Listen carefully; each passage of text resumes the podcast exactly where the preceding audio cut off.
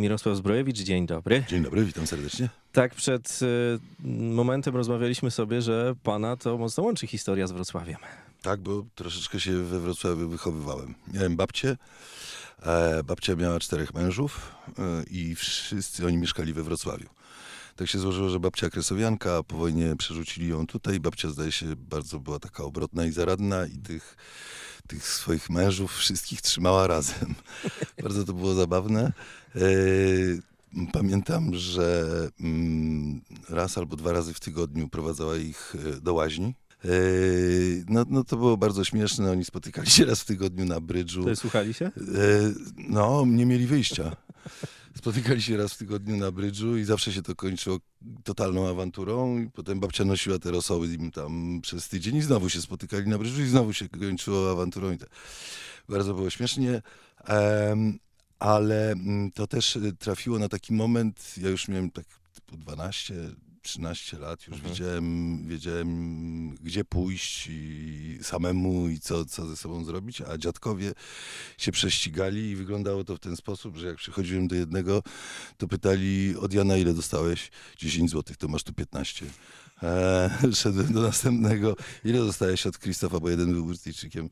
E, 15, to masz tu 20, więc ja miałem strasznie dużo kasy. To pan był bogaty rzeczywiście. Tak, wtedy na, to zwykle to były wakacyjne sytuacje i bardzo przyjemnie było we Wrocławiu wydawać te pieniądze. Uwielbiałem chodzić do kina dworcowego. Mhm. Fantastyczne to było kino. Na trójkącie e, mieszkała babcia, Babcia tak? mieszkała tak na, na tak zwanym trójkącie bermudzkim na Łukasińskiego.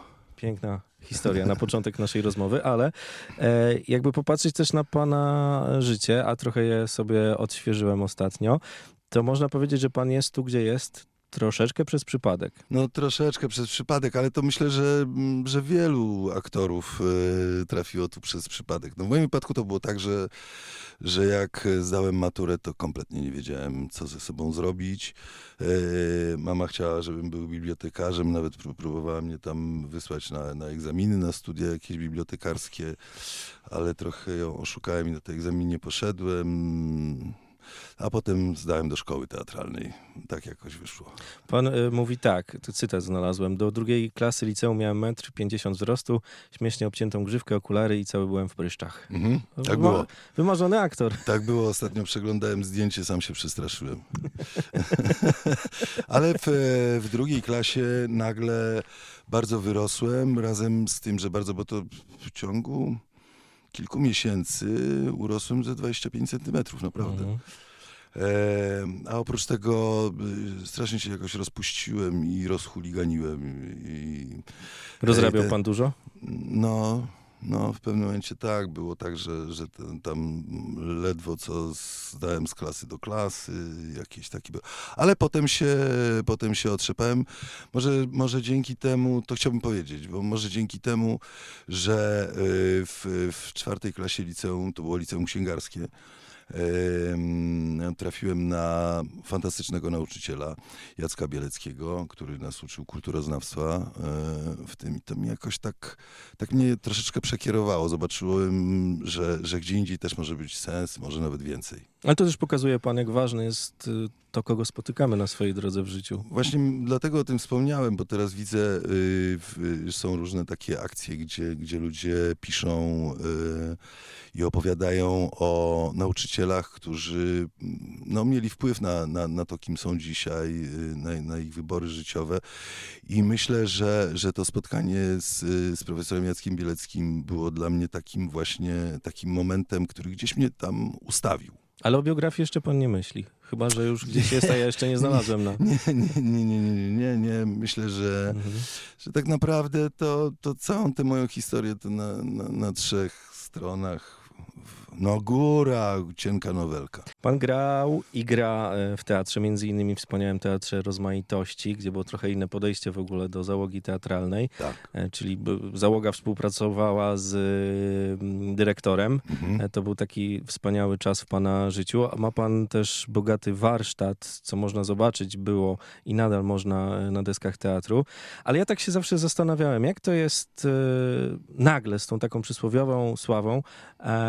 I w pana wypadku to oczywiście trzeba powiedzieć o roli Gruchy w filmie Mhm. Chłopaki nie płaczą. Mhm. Gdzie ten teatr, e, gdzie ten e, film? Em, Nie, no nie chciałbym się za bardzo tutaj e, ten, bo to jest tylko, znaczy to jest mój przypadek, on pewnie, pewnie się tam zwielokrotniał u, u innych kolegów i koleżanek. To jest taki trochę rozjazd między, między teatrem a filmem, e, bo w teatrze mamy szansę sięgnąć po największą literaturę, po najwspanialsze role, naj, takie najgłębsze, naj, naj, naj, największe i najbogatsze, jeśli się trafi. A w filmie jest po prostu tak, że jesteśmy typami.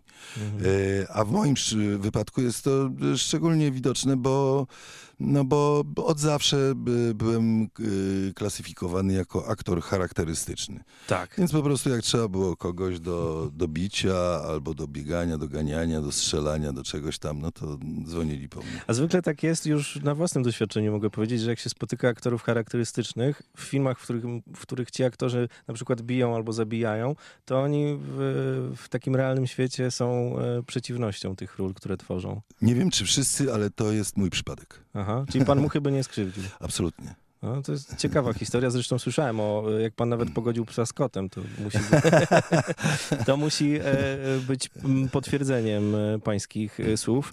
Zastanawiałem się też, czy ta ekipa, bo to jednak fenomen ten film, Chłopaki nie płaczą, Mhm. trzeba tak powiedzieć. Mm, Ma pan kontakt z tamtymi ludźmi, na przykład z Laską? Nie, z Laską nie mam. Wiem tylko, że Laska wylądował w Australii. Ktoś go widział w jakimś warsztacie samochodowym i robił to, o czym opowiadał w tamtym Mhm. filmie. E, A z innymi kolegami, e, z innymi kolegami, e, oczywiście czasem mam kontakt, bo grywamy w, w różnych rzeczach, ale ostatnio, no prawie całą ekipą, albo i całą, zagraliśmy w filmie Futro z Misia. Jeszcze zapytam, co z tym symbolem macho lat 90. No rzeczywiście, nie, nie, nie wiem, nie wiem e, jak to tam z tym, z tym macho-maczyzmem, e, ale rzeczywiście jest coś takiego, że ono miało jakiś swój charakter, to kino lat Mhm. 90. I e, bardzo śmiesznie było, bo teraz przy okazji tego, tego futra z misia, Mhm. ponieważ e, 20 lat później spotkaliśmy się wszyscy na planie i ja miałem cały czas wrażenie, że cofnąłem się o 20 lat. Ale było tak wtedy, albo może do dzisiaj jest, że jak pan idzie sobie ulicą gdzieś tam kupić bułki do sklepu, to mm, ludzie podchodzą i, i tak trochę z takim szacunkiem, z takim strachem nawet, y, bo wiadomo jak to jest, jak widzimy kogoś na różnie. ekranie. Teraz, teraz ludzie y, bardzo są jakoś ośmieleni Aha. i nie mają żadnego problemu, żeby w każdym momencie podejść i poprosić o, o zdjęcie Aha. na przykład.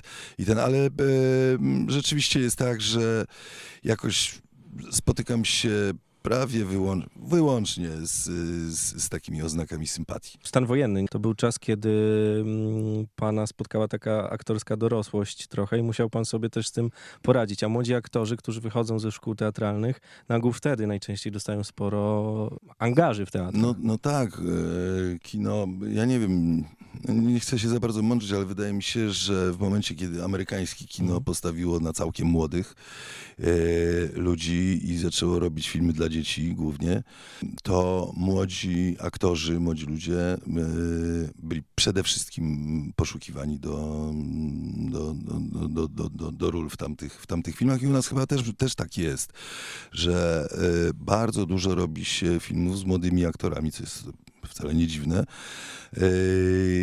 I to e, pewnie pyta pan o, o sytuację, w której, w której ja się znalazłem po, Mhm. po stanie wojennym, kiedy był bojkot telewizji, filmu e, i tak dalej.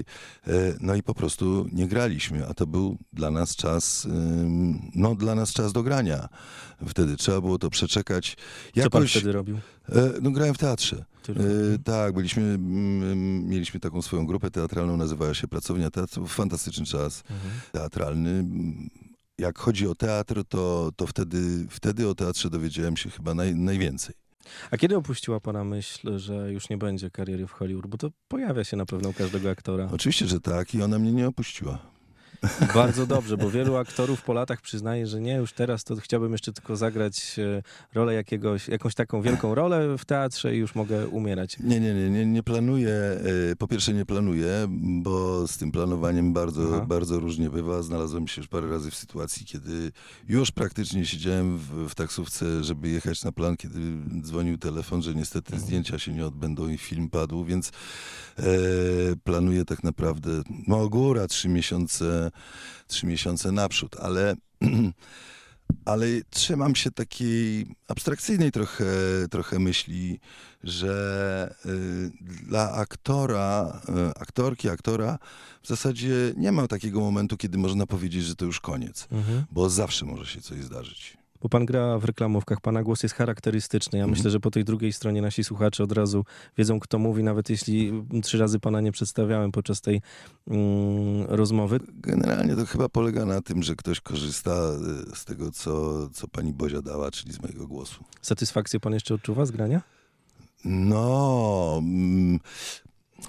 Zaskoczył różnie. mnie pan trochę tym pytaniem, bo, bo nie myślałem o tym satysfakcję, bo wydawało mi się, że zawsze mam satysfakcję, ale ona jest raz większa, raz mniejsza i myślę, że z biegiem czasu, kiedy, kiedy rozpoznaję już, y, co, y, co może się okazać y, super pracą, a co, co nie do końca, no to trochę się zaplątałem, ale myślę, że Mhm. chodzi, chodzi gen- generalnie o to, że y, im dalej w las, tym trudniej mnie oszukać. No tak, a czasem to, to pan myśli, że kogoś oszukała. W przypadku Kacwawy było tak, że myślał pan, że się nie da, a się udało.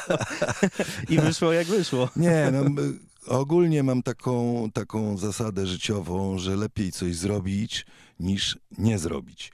I to czasem przynosi zyski, a czasem przynosi straty, więc y, zmierzam do tego, że w zasadzie nie odrzucam e, żadnej propozycji, jeżeli mogę, e, mogę coś e, zagrać, mogę, jeżeli czas pozwala, to robię to, przyjmuję propozycje i wtedy one są naprawdę najróżniejsze.